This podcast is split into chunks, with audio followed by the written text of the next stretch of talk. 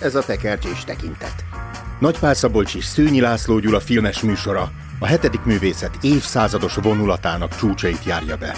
Derűvel és lelkesedéssel, szeretettel és bírálattal. Mindvégig azt tartjuk szemünk előtt, hogy tekercs és tekintet találkozásában megszülethessék az életváltoztató filmes élmény.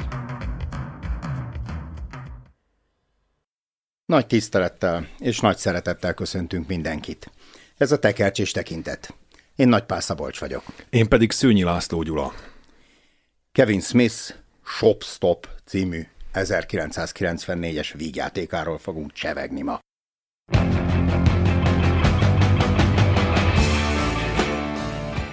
Miről is szól ez a film? A következőről.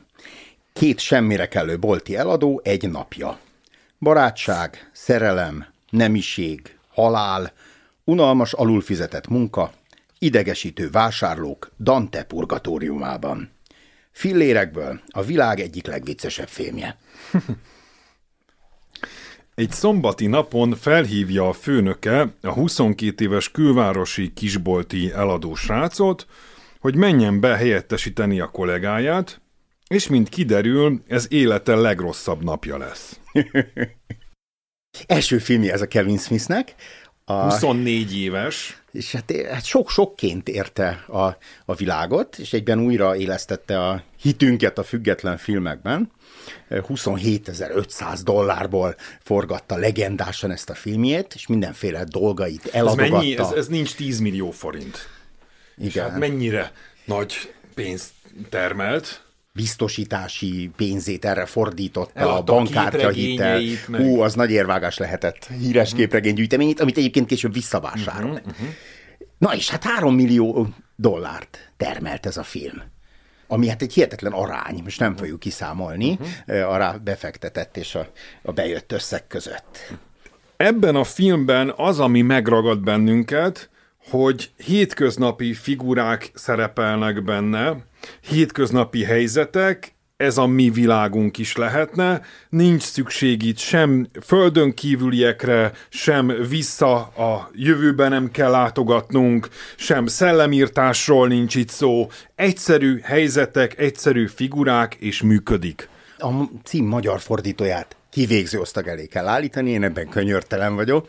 Ennek a shopstopnak semmi értelme nincsen. Hát az angol cím az ugye az én alapfokú angolommal azt jelenti, hogy hivatalnokok. Igen, a Clerks, a, valószínűleg itt a kontinensen, meg Britanniában Aha. jelenti főként ezt, mert e, ez bolti eladók, amerikai angolban ez a bolti eladók, hát ez a, ez a legunalmasabb téma, ami elkép, elkép... Tehát magyarul akkor az lehetett volna a címe, hogy boltosok, vagy fűszeresek, vagy közértesek. Közértesek, mi ezt ajánlanák?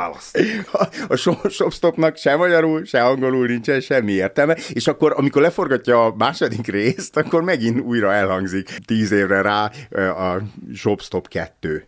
Ez ugyanis egy, egy filmes univerzumot teremt, tehát ez behozza a, a, a film világba ezt a Kevin Smith-t, ezt a vigyátéki zsenit, és további hat filmet leforgat a, a, a szereplőket ilyen átfedésekbe állítva, főként a, a Jade és a Néma Bobot. Ezek a, a Shop Show, borzalmas szín, elképesztő. A e, comic strip képtelen képregény, ennek megint más az angol címe. Szerintem itt valami válság volt Magyarországon, amikor, amikor ezeket így tolmácsolni próbálták. Kár volt. A dogma, a J és Néma Bob visszavág, ami ugye a birodalom visszavágra utal a címében is, Shopstop 2, és végül a J és Silent Bob. Mondjuk reboot. a dogma az egy picit más kaliberű, és akár az egy vállalható. Komoly vállalható Igen. Mert egyébként számíthat. elmarad. Ezek a filmek később elmaradnak. Akkor viszont erről beszéljünk, nincs mese.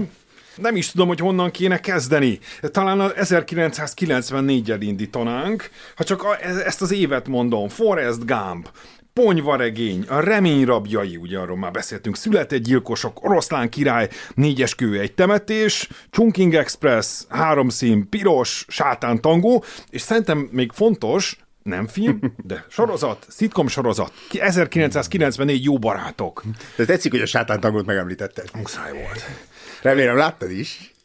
Kétszer, és, és fogunk De nem róla... egymás után. Nem, Rögtön. fogunk róla beszélni, biztos vagyok benne. Szóval itt ez egy, ez egy elég termékeny év volt, és mennyi különböző útkeresésnek vagyunk tanúi, és a ponyvaregényre szerintem még fogunk utalni.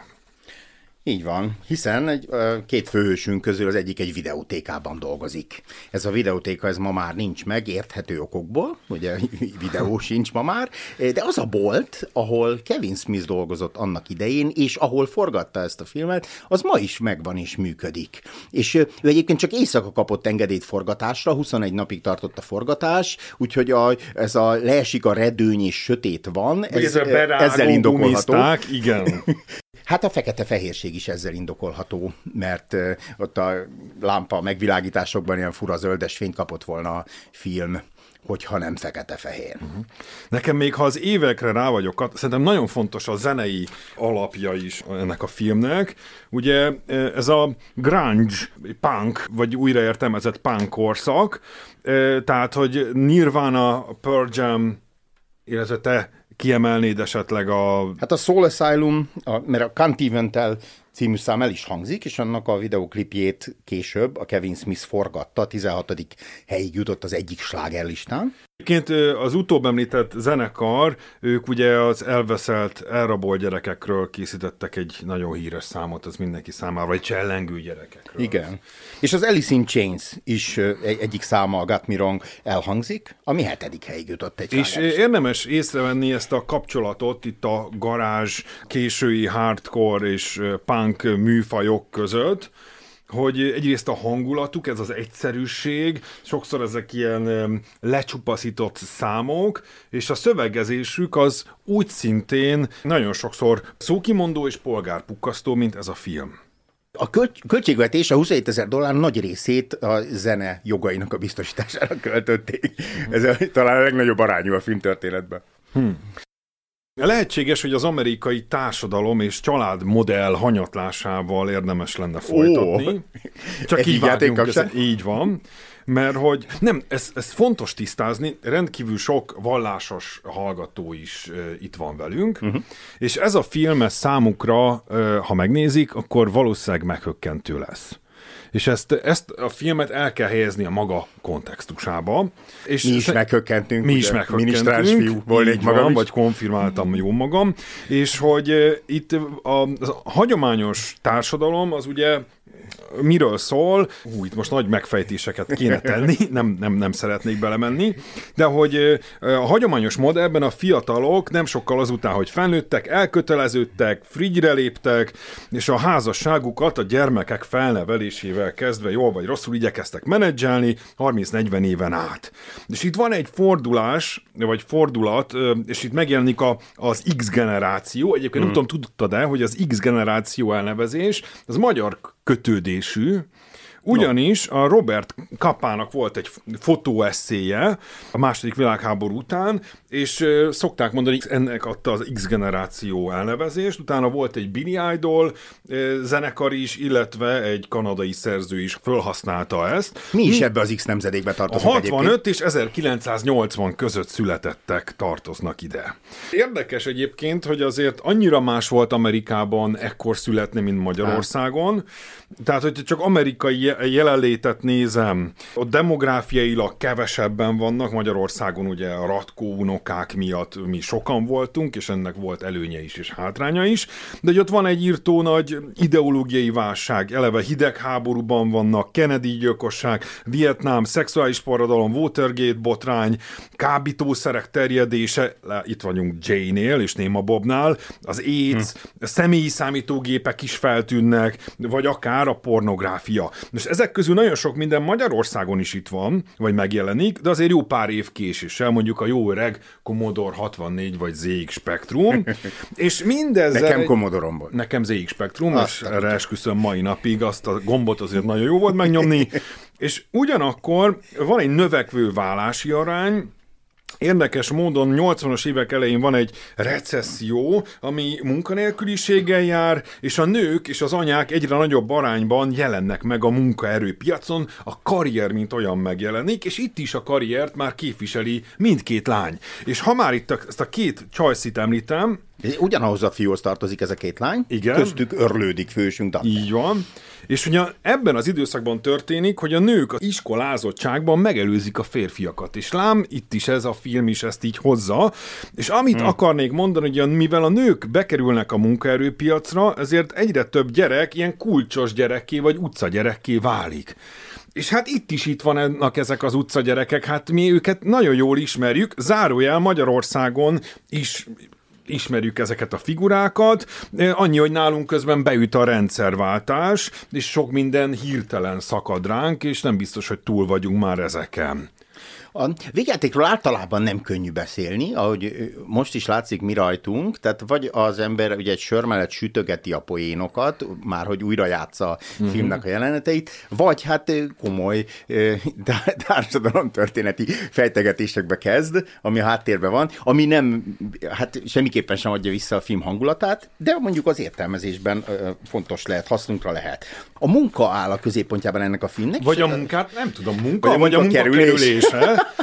Tehát például a Randall figurájánál nekem abszolút eszembe jut ez a Kádár rendszer, ez a kapun belüli, hogy neki legalább van munkája, igaz, nem dolgozik. Mi abszolút tudunk vele azonosulni. Vagy rögtön bezárja a videótékát, és átmegy a szomszédba igen, a haverjához. Persze, hát különben ne, nem jönnének létre a párbeszédek, tehát ez egy indokolt rendezői döntés. És érdekes, tehát lehet munka szempontjából is csoportosítani őket, hogy itt van ez a Dante Higgs, aki fárad, és hát nem szívesen dolgozik, de dolgozik becsülettel, míg ott van ez a Randall, aki nem becsülettel, de van munkája, és ott vannak ezek a különféle figurák az üzlet előtt, mint Jay és Néma Bomb, akik meg egyáltalán nem dolgoznak, hanem mit csinálnak, hogy gyűlölködnek, trágárkodnak, kötekednek, iskolás szinten művelve mindezt, és szétszívják magukat.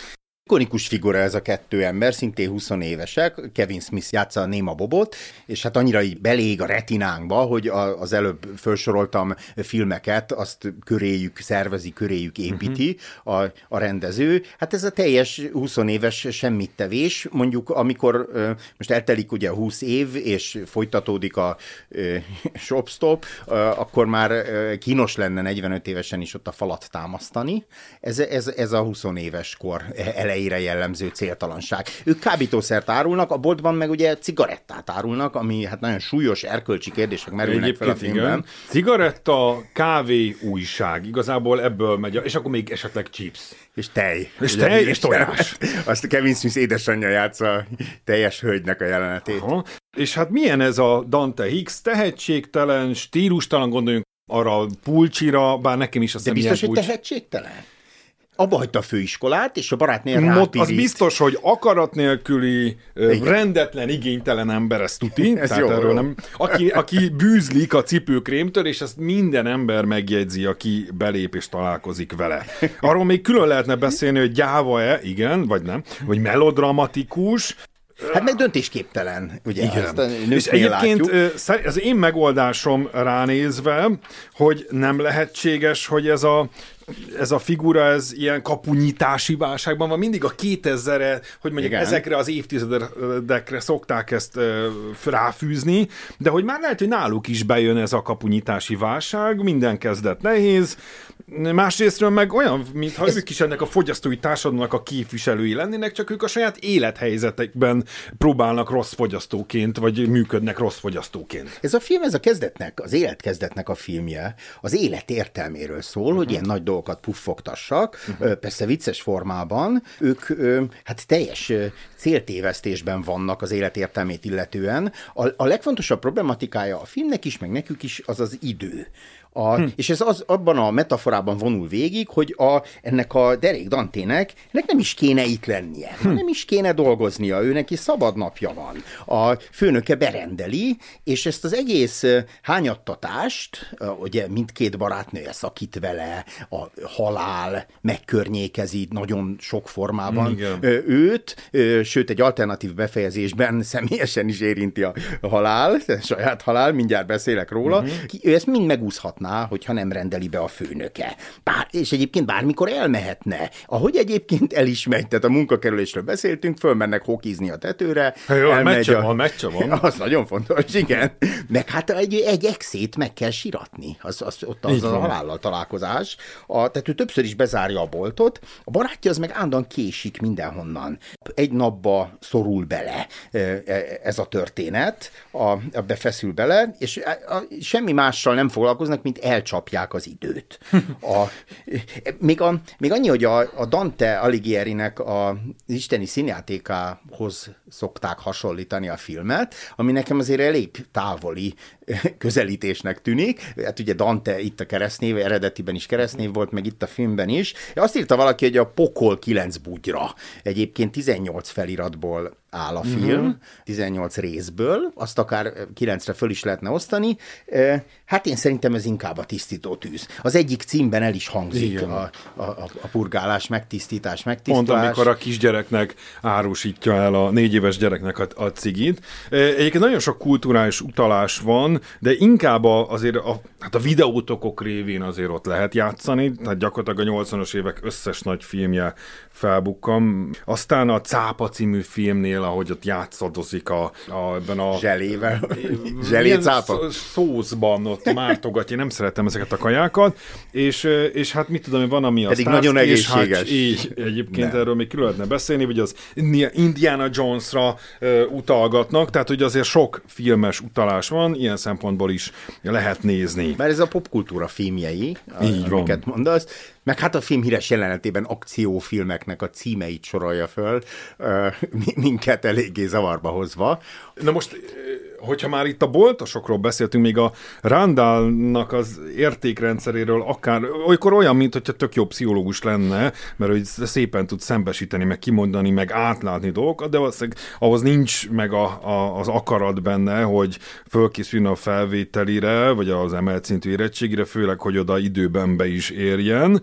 Viszont, hát valamiért ő a rombolás és de- destrukció, de lehetséges, hogy ő a Tarantinónak egy ilyen, hát mi lenne a, a a Randálból, hogyha sikeres emberré válna, valami bekattanna pozitív irányban, akkor ő belőle lenne a fiatal Tarantino, bár már utaltál a kapcsolódásra. Hát Kevin Smithből lesz a Igen. fiatal Tarantino, nem? Bár ő maga fűszeres Igen. volt, nem videótékában. Közértes, ahogy az előbb igen, igen. De viszont... De annyira rossz ez a videótéka, hogy ha ő meg akar nézni egy filmet, ami tényleg érdekli, azt egy másik videótékából kell megrendelni. És olyan érdekes, hogy míg az egyik számára az a mennyország, amikor bejön az exerelem, addig a másikuk számára az, amikor belép a nagy videótékába, ugyanazon aláfestő zene, ugyanazon jelenet. Oh, Viszont a vásárlókról is kéne szólni, mert hogy nekik vannak igényeik, öntudatosak.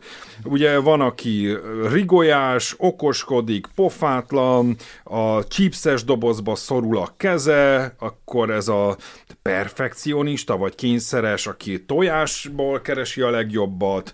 Olyan, mintha a fogyasztói társadalom tablóját néznénk egy kisbolton keresztül, az vagy, amit megveszel, vagy megeszel. De egyébként nem tudom, tudod, de mondjad, mondjad. És az eladók is beletartoznak ebbe a tablóba, mert Így ez van. a tapló bunkó eladó, ez is egy ismerős figura annyiban védeném őket, hogy azért ezek a vásárlók ugyanúgy ennek az amerikai válságnak a, az alanyai, és ők lehet, hogy elvesztették az agórájukat, elmagányosodtak, itt olyan, mintha mindenki magányos lenne, és vágynak az emberre, és hát kivel beszél, ha nincs kivel, ha a felesége dolgozik, vagy elvált tőle, a gyerekei messzire szakadtak, mert elmentek távoli városokba tanulni, akkor ott van a közértes, és vele szeretnék beszélgetni.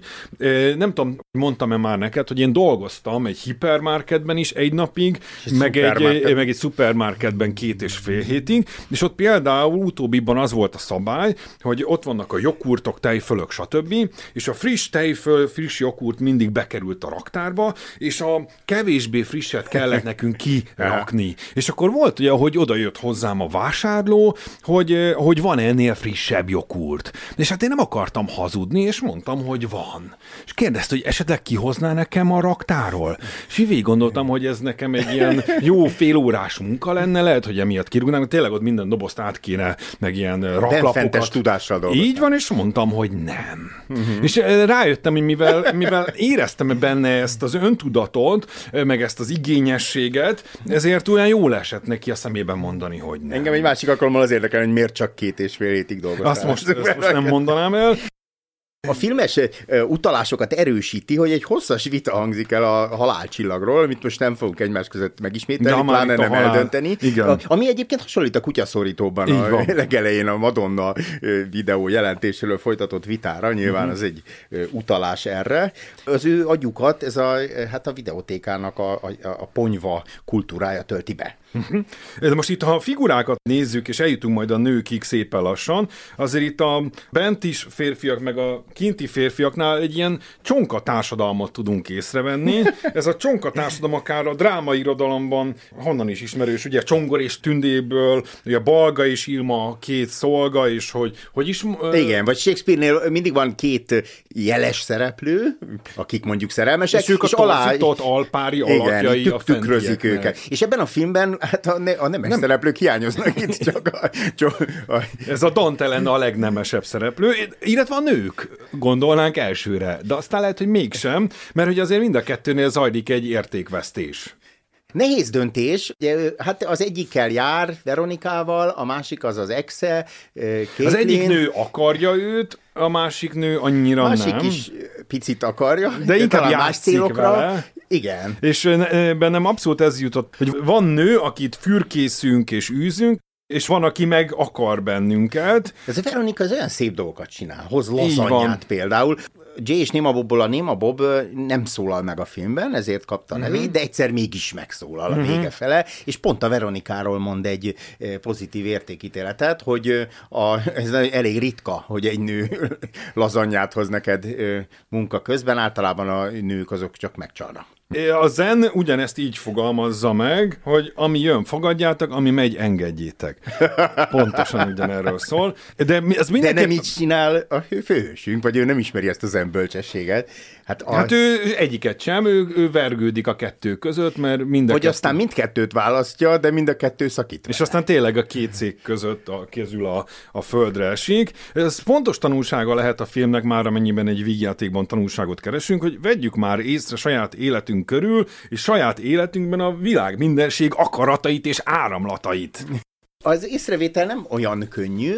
A Ugye van a, pláne nem. Van a barátja, aki talán segít neki, bár egy, egy kulcs drámai pontján a történetnek pont ő árulja el Veronikának ezt meg azt, ami miatt Veronika szakít vele, és akkor a barátság is, ez, ezt egyébként egy ilyen haver filmnek is szokták nevezni ezt a műfajt, mert végül is két ember barátságáról, meg hát ha ide számoljuk, akkor Jay és Néma barátságáról is szól, bár nem tudom, a barátság pontosan milyen összekötő erőre támaszkodik. A, és hát úgy tűnik, hogy a barátként sem tud igazán a segítségére lenni a szerelmi bonyodalmakban. Részben talán azért, mert Dante maga sem tudja, hogy mit akar. Hmm. Tehát a film kapcsán tényleg el lehet gondolkodni így az exeken, hogy mennyi idő alatt és hogyan tudunk kilépni, ha egyáltalán ki tudunk a múlt árnyékából. És hát ez, ez nem mindig. Itt könnyű. ugyanis az ex az házasodni készül egy ázsiai designerhez. De igazából nem ő készül, hanem az anyja, de azért akkor ő benne is ott van egy ilyen akarat nélküliség. És az anyja vagy... még egy cikket is megjelentett a helyi újságban, és mindenki olvasta ezt a cikket, úgyhogy kérdőre is vonják a, a Caitlin-t. De valamennyire szeretheti ő azért ezt a Dantét, hát miatta ide utazik, mert tudja, hogy Dantét És ő lenne így. ugye a me- megváltás Dante számára, aki nem a leggyönyörűbb nő, de hihető, és mint tudjuk, nem a legeszményibb, míg az Dante sem egy alfahím. De azért Caitlyn jobb nő, mint Veronika, már kinézett, nem? Szerintem nem. Nem tudjuk. Egyik sem kimondottan kívánatos. Ez a nő csak attól jó nő, hogy mindenki őt akarja, majdnem mindenki, két ember. De lehet, hogy igazából az ázsiai úriember sem. A film humoráról azért annyi elmondható, hogy Hát részben altesti humor, de kizárólag verbális, szóbeli uh-huh. humor ez. Nem, nem látunk semmi csúnyát. Jobb is azért. Igen, történnek dolgok azért a, a film alatt, és hát örülünk, örülünk, hogy azokat nem mutatják meg képen, csak szóban értesülünk róluk. És érdekes, hogy 17 éves fölüliekre sorolták be először ezt a filmet, pusztán a, a, a szóbeli poénok miatt. 91-szer hangzik el például az F betűs szó.